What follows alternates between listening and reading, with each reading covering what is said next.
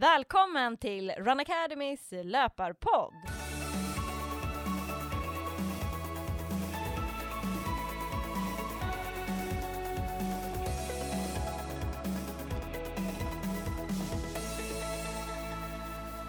Det här är podden för alla er som gillar löpning.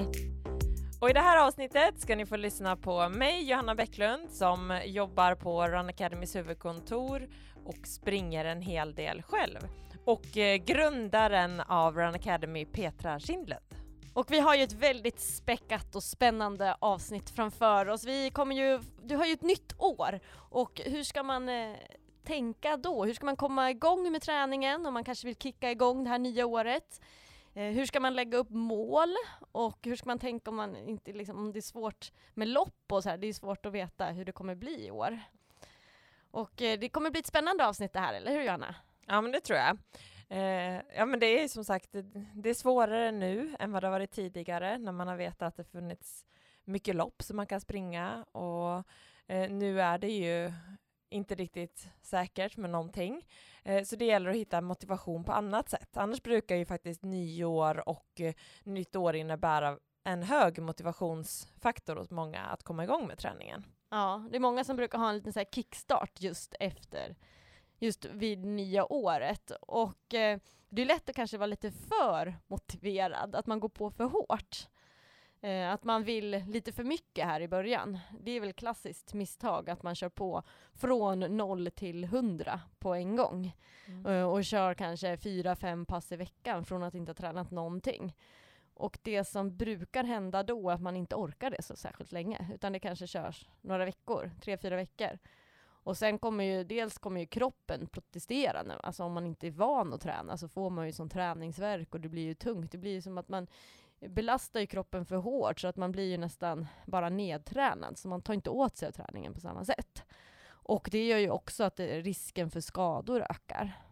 Mm. Så här gäller det att vara lite smart. Hur tycker du att man ska göra om man vill komma igång nu på nya året? Om man inte har tränat någonting alls tidigare så tycker jag att en rimlig plan är att man ska försöka träna två eller max tre gånger i veckan till en början och att man verkligen sätter så här, planerar in sin träning. För det svåra är att eh, hålla kontinuitet under hela året. Det är lätt att träna under kortare perioder och mycket, men just det här kontinuitet under hela året är mycket svårare att få till.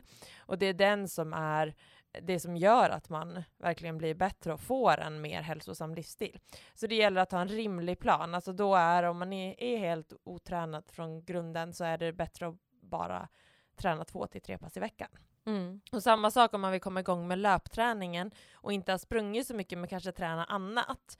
Eh, då är det inte heller rimligt att man lägger in för mycket löpning utan att man där också eh, kanske kör två löppass i veckan mm. och sen kan man ha den andra träningen som man har kört tidigare på sidan om. Men så att man känner att man ska hinna med. För det, om, om allt det tar för mycket tid så blir det lätt att man kanske prioriterar bort det till slut också för att det blir, eh, man märker att det inte det liksom känns bara stressande. Så det gäller verkligen att ha en rimlig plan och att man lägger upp det successivt, så man bygger upp och ökar på hellre vart eftersom det har liksom man kommit in i rutinerna och fått till träningen. Mm. Precis, att man inte kör all in från start. Nej. Och sen är det ju en stor fördel att ändå sätta upp något form av mål för det här året. Och det kan ju vara lite svårt nu när man inte riktigt vet hur det blir med alla lopp. Mm. Men jag tänker att det kanske är, man kan väl loss, anmäla sig till något lopp som man tror att man skulle vilja springa och skulle det loppet inte bli av så kanske det ändå kan hjälpa en att motivera att man tränar. Ja men absolut. För ibland kan ju liksom det viktiga kanske inte egentligen är loppet i sig och att man genomför det, utan det är liksom vägen mot loppet så att man ändå får den. Mm. Eh, och att det kan motivera en på vägen och sen kanske man, ja det inte blir av sen, då kanske man får göra någon annan och liknande. Oftast brukar de ju köra någon liksom eh, digital variant så att det blir någonting. Mm. Men jag tror ändå att bara ha det där målet gör ju ändå att man blir lite motiverad. Ja. Och här kan man ju gärna alltså, ja, men sätta upp ett mål och det kan ju vara allt från tre månader framåt eller sex månader framåt eller nio månader. Alltså man kan ju ha lite delmål på vägen om man sätter upp ett, ett större mål i slutet av Mm. 2021 så kan man ju ha lite delmål på vägen. Så man kan stämma av lite allt eftersom så blir det också lite motiverande på vägen. Mm. Och där kan man ju också göra så här testlopp. Alltså det har varit väldigt mycket eh, digitala eh, saker i, år- under nu 2020. Så att då, och det kommer ju garanterat fortsätta. Så att där kommer man också kunna få motivation och inspiration att testa sin egen form. Mm. Och det vet jag också, många tycker ju att det är väldigt roligt med våra utmaningar som vi kör. Eh, och att man via de utmaningarna oftast, speciellt de här lite större utmaningarna, avslutas ju med en liten extra utmaning så man får lite motivation. Som nu när vi kör igång vinterutmaningen. Då kommer man ju få göra fystester i Mm. början.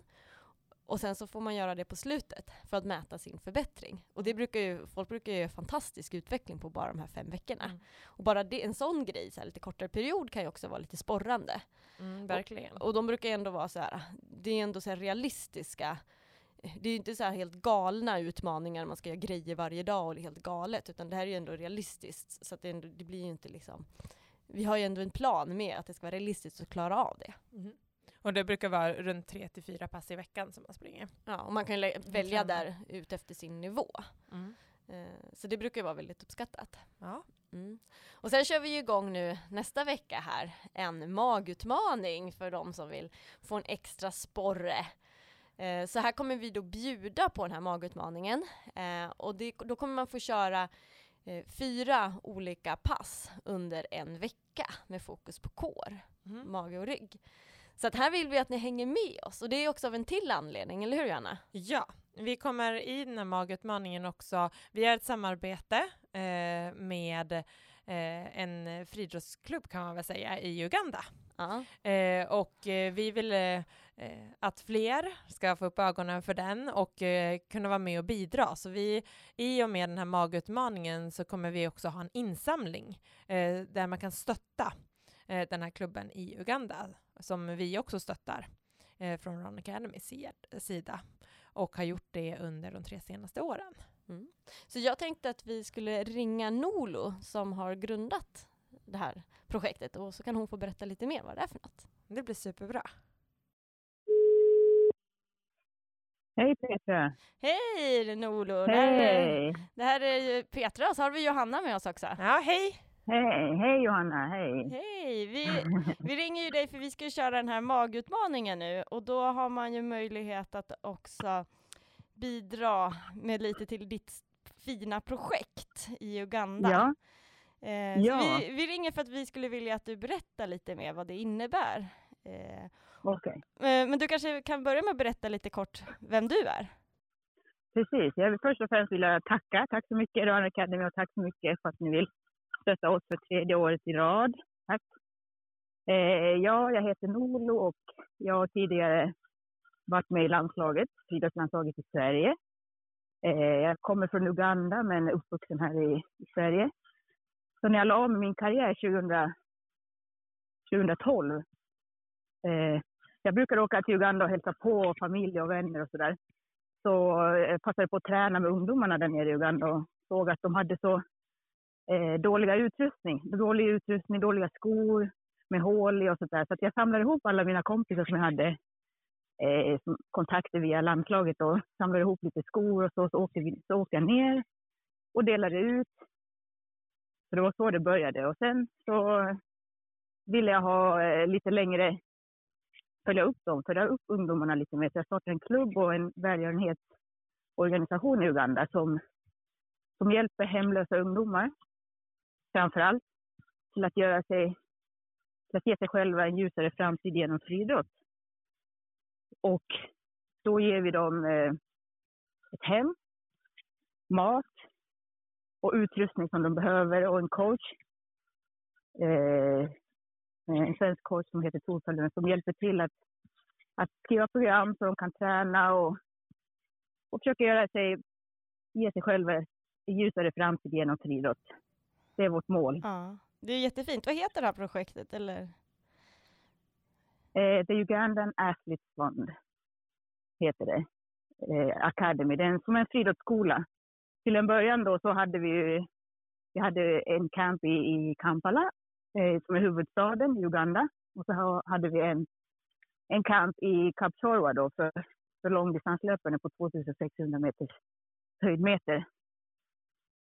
Så de i Kampala, de, det var inriktning på dem var att man skulle ge dem bättre resultat så att de kan gå, försöka söka in på universitet och skola och så där. De var med sprinters och spjutkastare och lite, lite så kallade field events. Medan där uppe i Kapchorwa är mer långdistanslöpare, ungdomar som inte har någonstans att bo och, och får möjlighet att bo i ett, i ett hem och träna friidrott. Men, men hur får ni tag på de här ungdomarna? Eh, när vi började till en början så hade vi uttagningar. Och eh, då gick vi ut med information via förbundet. Eh, och sen så numera så kan alla söka sig in till, eh, vi har, vi har fått så bra eh, ryktesspridning så att folk söker sig till oss efter säsongen. Och så gör vi, har vi uttagningar, vi kollar vad de har gjort för resultat, kanske på, på säsongen om de, om de har friidrott tidigare eller så får, får de komma på en trial och få, få springa, så får vi se hur de springer, teknik och, och lite vad de ligger på. Och så där, om man kan utveckla mer.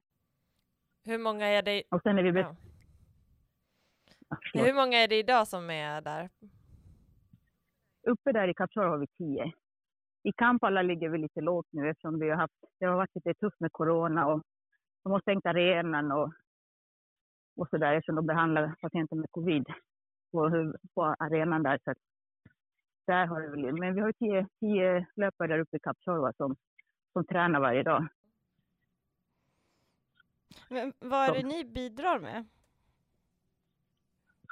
Alltså vi, vi är typ deras...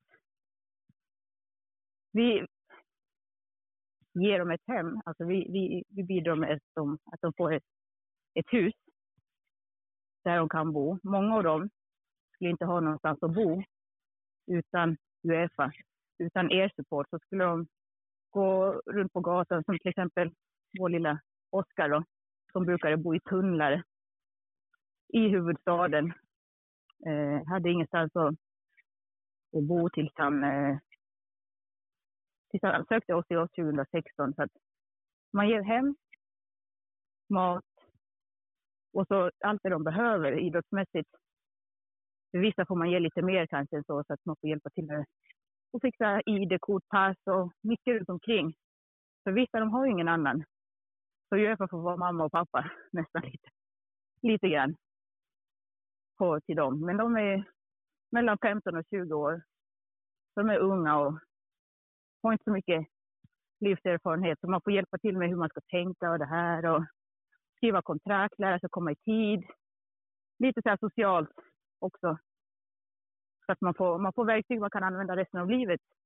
Även om man inte lyckas bli världsstjärna så har man mycket där man kan lära sig skriva kontrakt till exempel. Och hälsosam livsstil, äta rätt, hur man ska liksom ja, bete sig och, och sådär. Mycket socialt också. Men vad är er förhoppning med, med hela projektet?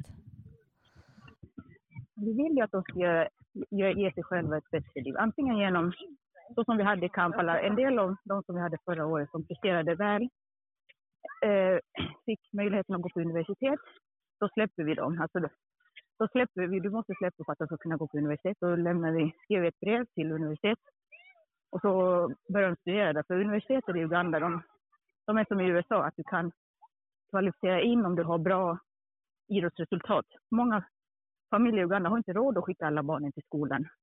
De kanske har till gymnasiet och sen kanske tar pengarna slut. Så får de hoppa av och så kanske börja hitta på olika saker att göra. Så att jag tänker att idrotten, jag har en idrottsbakgrund och jag tycker det är så mycket, idrotten är lite är underskattad. Man kan göra så mycket gott med det. Man kan lära sig att leva hälsosamt, disciplin, så mycket man kan lära sig. Så att de barnen som fick gå, en del fick gå på universitet.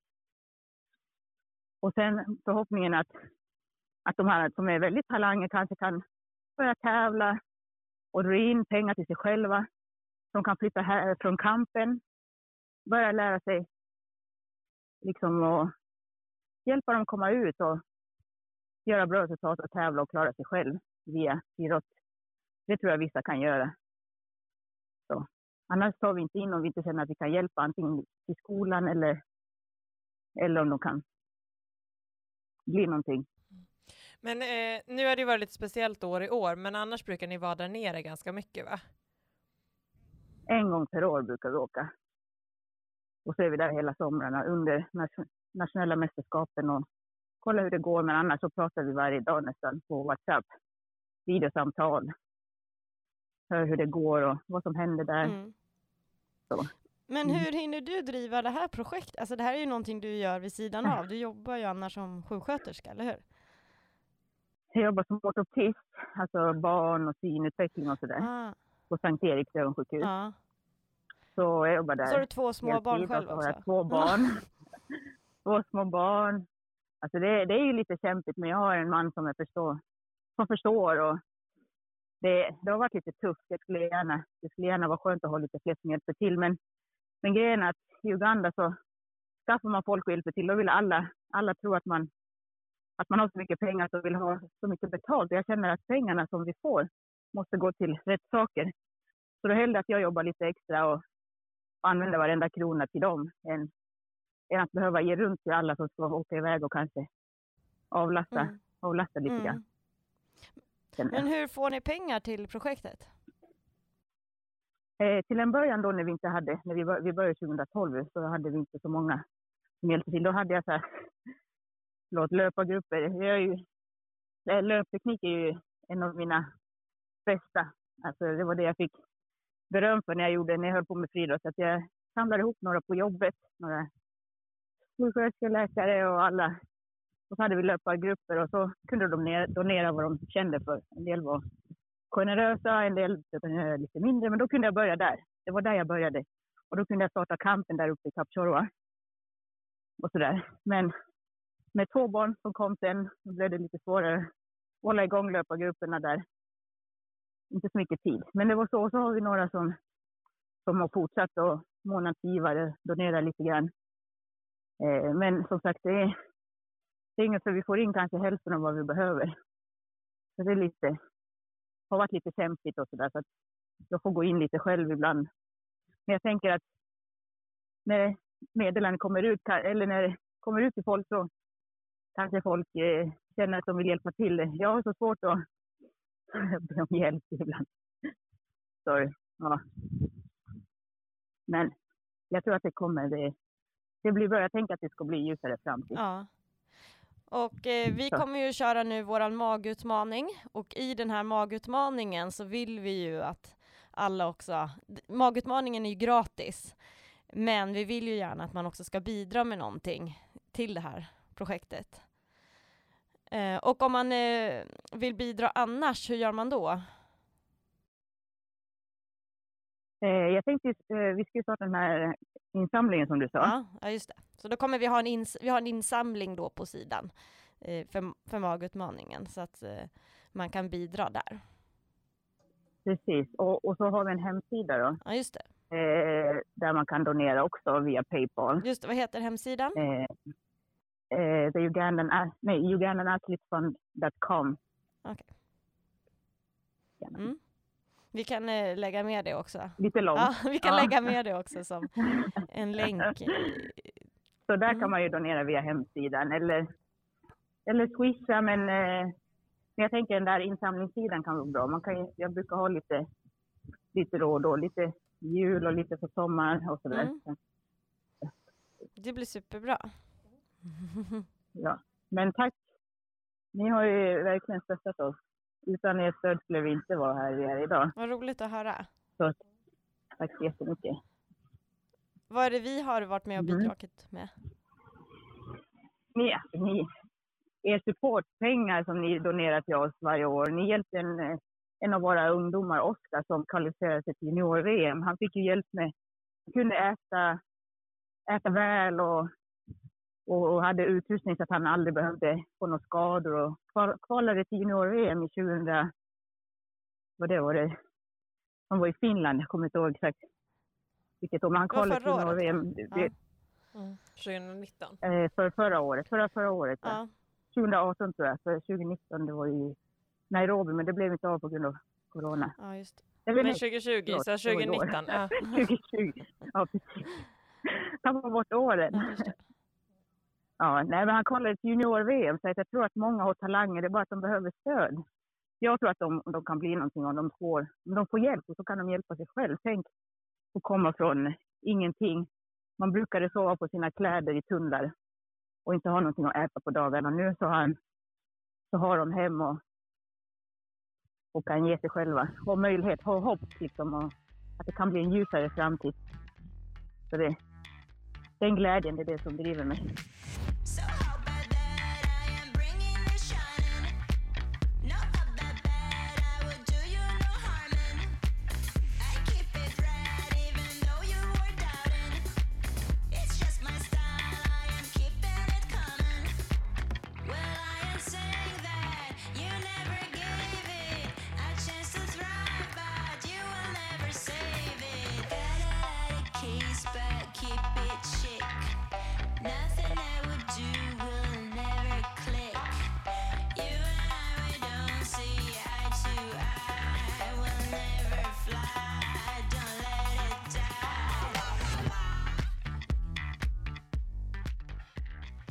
Wow, och jag är imponerad över Nolo, alltså vad hon har drivit det här projektet. Jag lärde faktiskt känna Nolo när jag gick på friidrottsgymnasiet för rätt många år sedan. Så att jag har ju känt henne långt innan det här projektet.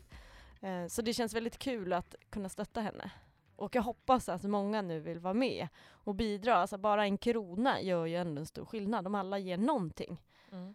Eh, Verkligen. Om man kan swisha 10 kronor så gör ju det jättemycket. Ja. Mm. Om alla gör det som är med i vår magutmaning så blir det ändå, kan det bli lite summa. Mm. Mm. Ja, det är verkligen imponerande. Det är spännande att, att se vart det kan leda också med just där. Ja. Och att sen när de kommer tillbaka och kan komma igång igen även i Kampala Ja. eh, med där som nu har fått lägga lite på is på grund av pandemin. Mm. Verkligen. Ja, hur ser ditt år nu då ut framöver? Ja, det blir spännande. Jag har ju haft ett riktigt bottenår 2020 så att eh, nu hoppas jag på att eh, det ska vända efter min skadeperiod. Eh, och jag har ju känt att jag har kommit igång ganska bra med löpningen. Eh, mycket har ju också varit att eh, jag har fått chansen att bygga om från grunden. Ja. Eh. Men för de som inte vet, har koll nu, du hade en stressfraktur, eller hur? I Ja. höstas. Mm, jag fick eh, besked i slutet av september att jag hade en stre- stressfraktur i naviculare, heter ett ben i foten. Ja. Eh, så att eh, där, och gick med en sån här stor pjäxa under sex veckors tid. Och sen så tänkte jag att man bara skulle få slänga ut den där pjäxan och typ börja promenera på som vanligt. Men så riktigt var det inte. Tänkte du så? Ja, jag tänkte så i min enfald liksom. Eh, Du måste, du måste öka successivt. Ja. borde du veta. Exakt, men det var väldigt, alltså det, även om stegringen gick ganska fort så var det ju, alltså från dag ett så gick jag ju 500 meter, sen fick jag gå en kilometer och så öka ungefär med 500 meter om dagen. Men, så du började med att börja gå, Ja, tills exakt. du hade... Gått i 60 minuter. Just Så jag var tvungen att gå eh, fyra promenader om 60 minuter innan jag fick lägga in lite jogginslag. Det. det kanske man kan tänka på om man är ny som löpare, att man, alltså så här, man är helt nybörjare också. Ja. Att det kanske är bättre att börja gå innan man börjar springa. Ja, och sen så Mm. gjorde jag mycket så att jag, eh, när jag började lägga in löpning så hade jag som en 30 minuter där jag till en början fick gå en minut, eller gå nio minuter och jogga en minut. Och sen så stegrades det här. eh, Så att det blev två minuter, tre minuter, fyra, fem. Alltså, så. vad sa du, du fick... Jag, jag, under, alltså, så det blev ju som, För du började väl med att jogga bara en minut typ? mm, det var Ja. det jag sa. Ja, inte jag Jag joggade, jag joggade en minut och gick nio minuter. Ja okej, jag tyckte du sa att du började med att jogga nio minuter. Nej. Okej, ja. Och sen gjorde jag det tre gånger. Så att det blev 30 minuter totalt. ja just det, sen var det två minuter. Ja, Så- exakt. Ja, just Så det. det blev lite mer. Men eftersom att jag ändå är så pass van och har sprungit och tränat väldigt mycket innan så kunde ju vi stegra det här ganska snabbt. Mm. Eh, så att på två och en halv vecka var jag uppe i 30 minuters jogg.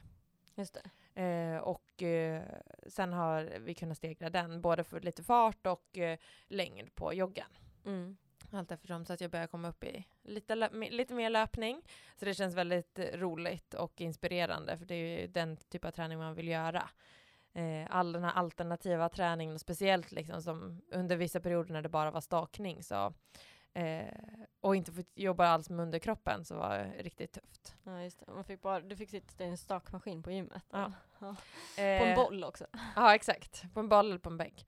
På en bänk oftast bara för att få med bättre tryck och inte ens behöva jobba med balans. Ja. Men tänk att man ändå tar sig ur den där tiden ändå. Mm. Det känns som att man, eh, ja, känns inte så när man är mitt uppe i det. Är det så? Eh, men eh, sen så när man ser eh, liksom framtiden och man ser att man hela tiden utvecklas.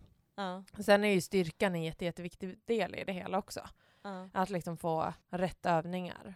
Eh, och få så att jag har ju fått jättebra hjälp med att få rätt övningar och även få liksom den här progressionen med, eh, alltså även om man själv vet, alltså jag vet ju hur viktigt det är att man ska stegra successivt, men det är svårare att göra det när man är uppe i det själv. Alltså det, är- det är skönt att ha andra som kan hjälpa en att tänka logiskt, för att jag är en sån som gärna gör mycket, mycket mer än vad som är okej. Eh, Så det har varit, och nu ser jag ju verkligen fram emot 2021 med eh, förhoppningsvis eh, under hösten kunna göra en snabb mara. Mm. Så det är väl det som jag längtar mest efter, att få liksom köra ordentlig maratonträning igen eh, och verkligen se vart jag kan utvecklas där. Eh, men först som en liksom, början så kommer jag försöka öka på, alltså bygga lite mer snabbhet. Eh, tanken var ju att jag under, 20, alltså under våren 2020 skulle köra lite mer halvmaraton, lite mer 10 kilometer, men jag fick liksom inget svar överhuvudtaget på, på träningen, utan det är liksom kroppen sa ifrån nästan hela tiden och vi gjorde alla försök för att hitta vad som kunde vara fel. Eh, men det tog ju ett halvår nästan innan vi kom på, alltså innan jag fick riktig smärta i foten och att det var antagligen det som hade stoppat mig eh, från att kunna träna. När man inte kan liksom, jag hade ingen, inget tryck i foten så jag kunde liksom inte trycka ifrån med den vänstra foten. Utan det blev liksom, och då tappade man ju steget så fick, man, fick jag ont på andra ställen så jag blev jättestel. Men det är så konstigt att du inte hade smärta men ändå liksom. Alltså, ja. Mm. Det är väl kanske också att min smärttröskel var rätt hög. Mm. Eh, så att därför in, som det inte var. Jag hade ju inte så ont även när jag fick bekräftelse. Jag hade inte ens kunnat ana att det var en stressfraktur. Nej. För att jag hade aldrig den. Jag hade den typ av smärta när jag tror att det riktigt, alltså den riktigt utvecklades i augusti. Då kunde jag inte ens röra, alltså då kunde jag inte sätta ner foten. Jag kom ju ingen vart.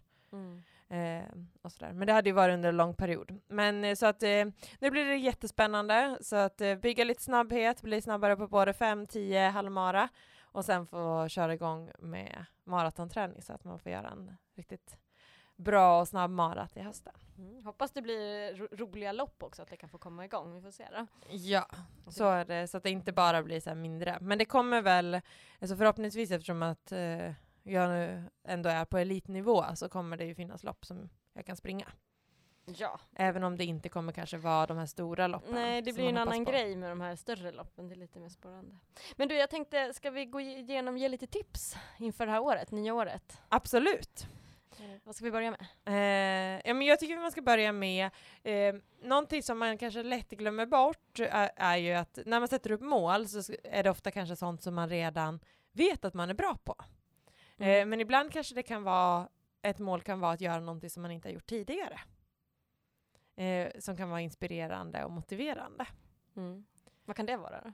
Ja, det kan ju vara, eh, alltså, om man tänker på löpmässigt så kan det ju vara att eh, eh, springa på någon, ny, någon nytt ställe som man inte har sprungit på tidigare. Kanske ha en aktiv semester, alltså i sommar. Då måste man också träna för att orka eh, springa. Det kan vara någon led eller någonting som man är intresserad av att springa i Sverige. Mm. Eller att man kanske ska springa x antal dagar i veckan. Alltså, och jag har som Mm. mål att klara springa tre dagar i veckan. I alla fall. Vad har du för annorlunda mål nästa år? Vad jag för annorlunda Ja, mål? Att jag ska bli snabbare på korta distanser. Fast det har du ju redan tränat för om det skulle vara helt det var länge sedan. alltså typ tre kilometer, fem, eh, 1500 meter om det ska vara nytt. Ja men det har jag också tränat för. Okej, så då måste om det ska vara helt nytt då Johanna. Ja, det vet jag inte. Då får du hem bakläxa. Ja. Jag- Vad vad har du då? Jag, jag tycker att du kan få öva lite mer på att springa i terrängen i skogen. Mm. Det får du bakläxa på att öva på. Eh, där, eh, eh, du vet att han, eh, vad heter han, som har eh, svenska rekordet i maraton. Eh, Musse? har svenska rekordet i maraton? Nej! Ja, men han som var innan dess. David Nilsson? Innan dess. som hade det i 20 år innan dess. Sven, vad hette han? Eh, Kjell-Erik Ståhl? Ja, han! Jag läste i tidningen här nu att han faktiskt kör, körde väldigt mycket i skogen. Mm. Eh, och så, väldigt mycket sin träning. Mm. Så det, jag tror att man kan eh, utvecklas även och springa mycket i skogen. Mm. Det är lite olika, alltså det finns ju olika sätt att nå de snabbaste tiderna. Exakt. Men det kan vara skonsamt. Mm. Eh, men sen också tror jag att det kan vara nyttigt att man funderar lite att lägga en, alltså att man inte bara tar det här kortsiktiga framför sig, utan man har en liten långsiktig plan också. Ja, verkligen. Och egentligen en plan för hela året med Ja. lite delmål längs vägen. Mm. Det tror jag det kan vara det bästa för att motivera sig. För det är ofta så här om du har en Alltså man måste ju ha delmål på vägen för annars blir det ganska tråkigt. Och då kan man ju faktiskt också ha delmål av olika slag. Det Mm. kan ju vara så här, ja men eh, om jag klarar av att eh, springa tre pass i veckan under åtta veckor Mm. så kan jag få köpa eh, någonting som man känner att man behöver eller motiveras av till sin träning. Och sen kan det ju vara att man kan ha att man ska springa eh, något snabbare, alltså något lopp virtuellt och sen kan det ju vara någon liksom så här större grej som man vill uppnå under hela året. Mm, exakt. Och sen gäller det ju att få till en regelbundenhet Ja. i, i sin träning, så Mm. att man inte kör nu all in i början av året, utan man lägger upp en realistisk plan Mm. som man kan hålla. Och det där är ju så individuellt vad som är realistiskt för en själv. Mm. Men göra det enkelt för sig. Alltså vad, vad, hur kan man liksom lägga upp träningen så det blir enkelt i ens vardag? För det tror jag mycket på att, att det är liksom så här, om man gör det för komplicerat, man ska ta sig till ställen för att göra, alltså det finns ju så mycket man kan göra hemma. Ja, dels få till träningen Ja. hemma. Och det är det som är smidigt med löpning, att man springer från sin dörr. Ja. Eh, och man kan köra styrka hemma. Vi har ju Mm. massa onlinepass man kan köra bland annat hemma. Mm. Eh, så det gör det smidigt. Eller att man springer till jobbet. Mm. Eh, man försöker få till träningen så sätt. Mm. Men sen också tänker jag att mycket handlar ju om vad man gör på sin, va- alltså på sin fritid i övrigt. Alltså vad kan du göra i din vardag? För typ av träning. Alltså om man säger att man har, man verkligen tränar, går ut och pulshöjande träning eh, där man verkligen fokuserar på kondition eller fokuserar på styrka, att man gör det två till tre gånger i veckan. Så är, finns det ju, det är fortfarande sju dagar på en vecka och man Mm. behöver ju göra någon typ av motion varje dag. Det tycker jag kan vara en bra tanke, att man ändå gör någonting nästan varje dag. Men det kan ju vara att man bara tar en 20 minuters promenad. Ja. Alltså bara gör, eller att man eller försöker tänka på att man rör sig lite Mm. hela tiden. Eh, att man eh, tar trapporna istället för hissen, alltså sådana där klassiska grejer. Och det är ju extra viktigt nu när man jobbar kanske mycket hemifrån. Då blir det väldigt lätt att man inte rör sig någonting. Man går typ till köket och toan i bästa fall. Mm. Och sen blir man bara sittande framför datorn hela dagarna. Eh, så där, då kanske det kan vara nyttigt att man tar, tar sig ut vid lunch i alla fall på en liten promenad. Ja. 20-30 minuter så att det blir att man rör sig lite i alla fall. Mm. Då får blir man lite piggare också. Ja. Men det är lätt hänt att man bara blir sittande. Eller att man bara, okej nu har jag suttit hela dagen, ja men gör tio upphopp då. Mm. Lite alltså bara ja. gör någonting, inte bara sitta still. Mm. Mm, även de dagar man inte tränar då. Mm. Det har ju varit ganska populärt med runstreak. Mm. Vad säger du om det? Eh, om man blir motiverad av det så kan det ju vara bra. Alltså, eh, bara, men risken är ju att om man springer varje dag så kanske man Alltså att man springer fast man inte borde, typ man är sjuk eller ska ha lite känning och då Mm. kan det ju vara negativt. Mm. Men annars är det väl liksom inte dåligt så om det kan motivera en. Sen kanske det inte är det bästa om man ska utvecklas, men allt är ju bättre än inget. Ja. Men jag kan tänka att det kanske är bättre med någon så här träningsstreak eller liksom movement streak, att man tänker då Mm. mer att man ska röra sig lite varje dag. Mm. Det kan vara okej att ta en promenad, eh, Mm. en kilometer. Den där. För det är väl, en, en run streak är ju 1,6 kilometer man ska gå, Mm. jogga varje dag. Jag kan tycka att det kan vara okej att gå den också. ja, men verkligen. Så att man får. Och då kan man ju göra det att man ska ha det som mål, att man varje dag ska Ta sig. ta sig den sträckan. Ja. Eh, och sen så de dagar man verkligen tränar så tränar man. För jag tror att variationen i träningen är ju något som är jätte, jätteviktigt för utveckling och också för att hålla sig skadefri. Eh, att eh, man varierar sin träning. Exakt.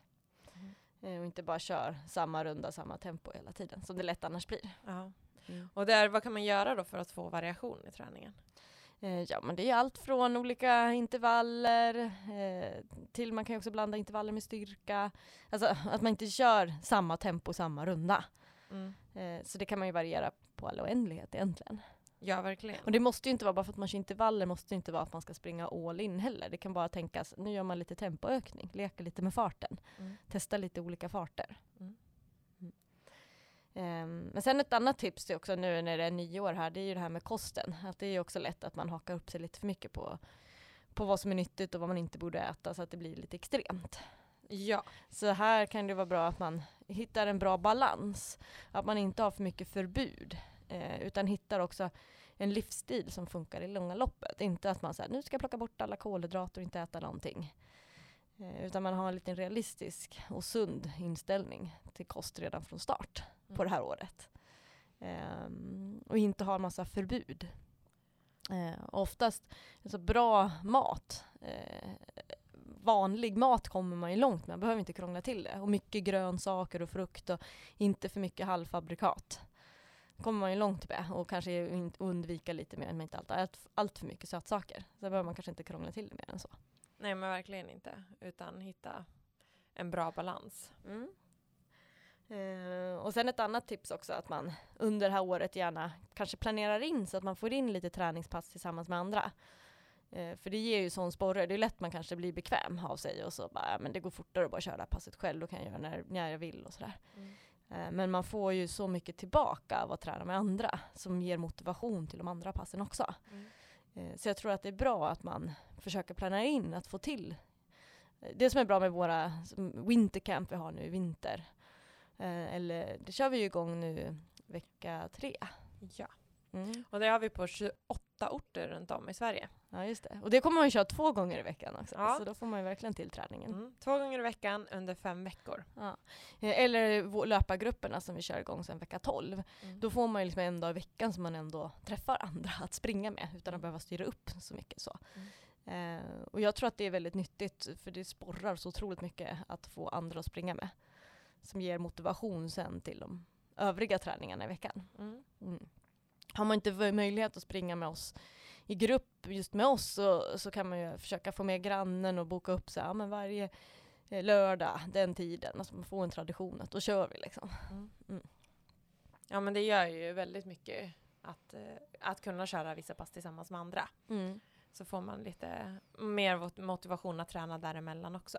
Mm. Eh, och sen tänker jag också att det är viktigt att få in lite alternativ träning. Ja, Eh, det är ju du expert på nu efter den här hösten. ja jag är väldigt expert på det. Fått till väldigt mycket alternativ träning och testat olika saker. Eh, ja, men, eh, och det här, här kan det ju vara, eh, det som jag har sett, eller som jag tycker är, är svårt, är ju att när man är ute och springer, då kan det ju vara skönt att springa i ett lugnt tempo, alltså springa en distansrunda. På alternativ träning så är det ganska tråkigt att springa en distansrunda. Eh, där vill man ju gärna att det ska hända någonting hela tiden, för annars blir det rätt monotont.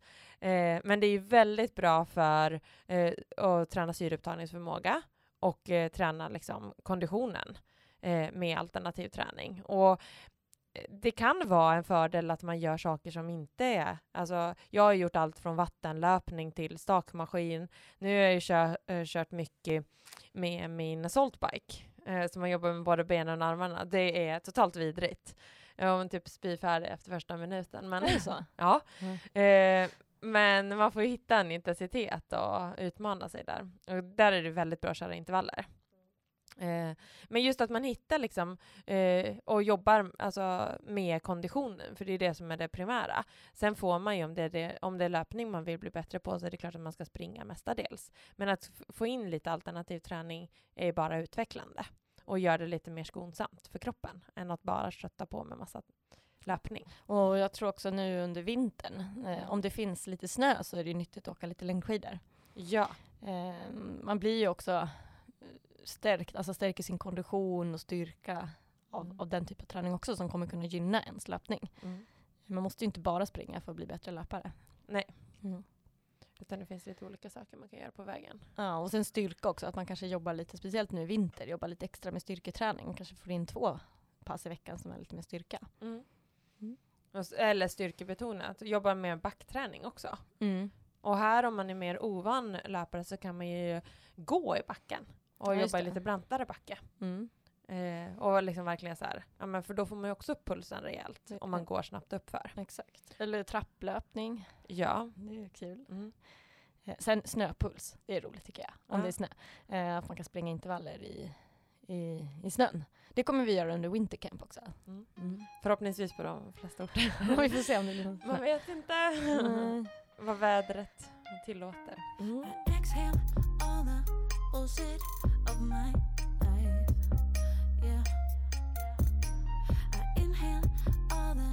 love that I can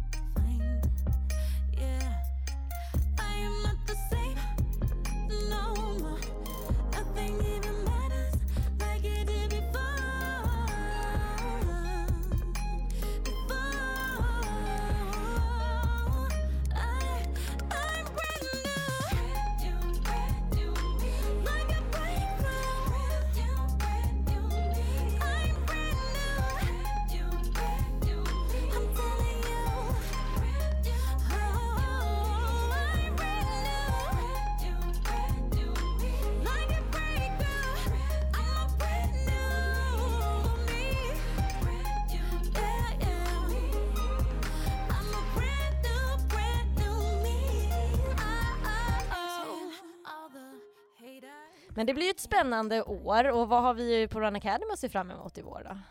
Eller i det här året? Ja, alltså dels så har vi ju våra löpargrupper såklart igen. Eh, våra onlineutmaningar. Alltså vi körde ju rätt mycket onlineutmaningar under 2020 och det kommer vi fortsätta med. De har bara blivit populärare och populärare så att man ska kunna träna var du än är och i Sverige eller var du än befinner dig och eh, hänga på och få inspiration. Men sen har vi ju också våra löparresor Mm. eh, som är helt nytt för i år. Vi har verkligen satsat på svenska läger. Mm. Så vi kommer åka på jätte- jättemånga olika platser och ställen i Sverige och upptäcka hur fint vårt avlånga land är. Mm. Eh, och det har ju varit väldigt populärt, inte sant Petra? Ja, ja, ja, nu vi har ju flera läger som vi nästan bara har några platser kvar. Mm. Ehm, så det kommer bli jättekul att få och planera också för läger som man vet att det här borde kunna bli av. Mm. Det var ju lite tråkigt förra året när man hade planerat för massa läger utomlands och så kunde de inte ens bli av. Ehm, så nu, det här känns ju väldigt inspirerande och det är väldigt kul med lite nya ställen också. Mm. Och att vi har ju så fantastiskt fina ställen i, i Sverige. Eh, vi, vi kommer bland annat starta här nu i slutet av april och åka till Österlen i, nere i Skåne och upptäcka, alltså det är ju verkligen som en helt annan natur där. Det känns som att man är utomlands när man kommer dit. Eh, det är bölderna och det är stränderna med så här kritvitt vatt- kritvita stränder och eh, uppe vid Brösarp där vi kommer springa i så här häftiga kullar med utsikt över, ja, ja men det är väldigt vackert där.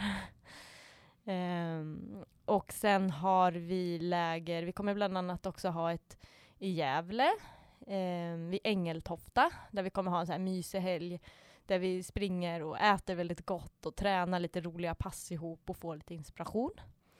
Eh, och sen ett läger som också har varit väldigt populärt, det är vårt läger till Tylösand som vi kommer ha i mitten på juni. Eh, och där är det också eh, fin löpning vid havet. Det finns ju en av Sveriges längsta stränder där vi kommer bo. Eh, och också fin natur. Och det är kul, liksom, många av de här lägren görs ju av våra ledare runt om i landet. Eh, som kommer hålla i dem och visa upp sina platser där de bor. Mm. Ja, de är ju experter på varje ort så Ja, det är ju perfekt. Då Ja. har de de ultimata platserna. Ja, och sen åker vi också till Björkliden i sommar. Det kommer bli ett riktigt häftigt äventyr. Mm. Eh, högst upp i norra Sverige kommer vi upptäcka fantastiska fjäll och toppar och ja, det kommer bli häftigt. Så det får ni hänga med på. Det kan ju också vara en, eh, liksom ett mål att man följer med på en resa. Då måste man träna för det. Och det är lite kul faktiskt. Min mamma, hon, ska, hon har anmält sig faktiskt till Österlen. Mm. Så att eh, alla kan vara med till Österlen. okej? Hon, har, hon har inte sprungit så mycket. Men hon blir jättepeppad. Hon har börjat komma igång nu och kört träning. Och till och med kört mina ljudfilspass. Mm.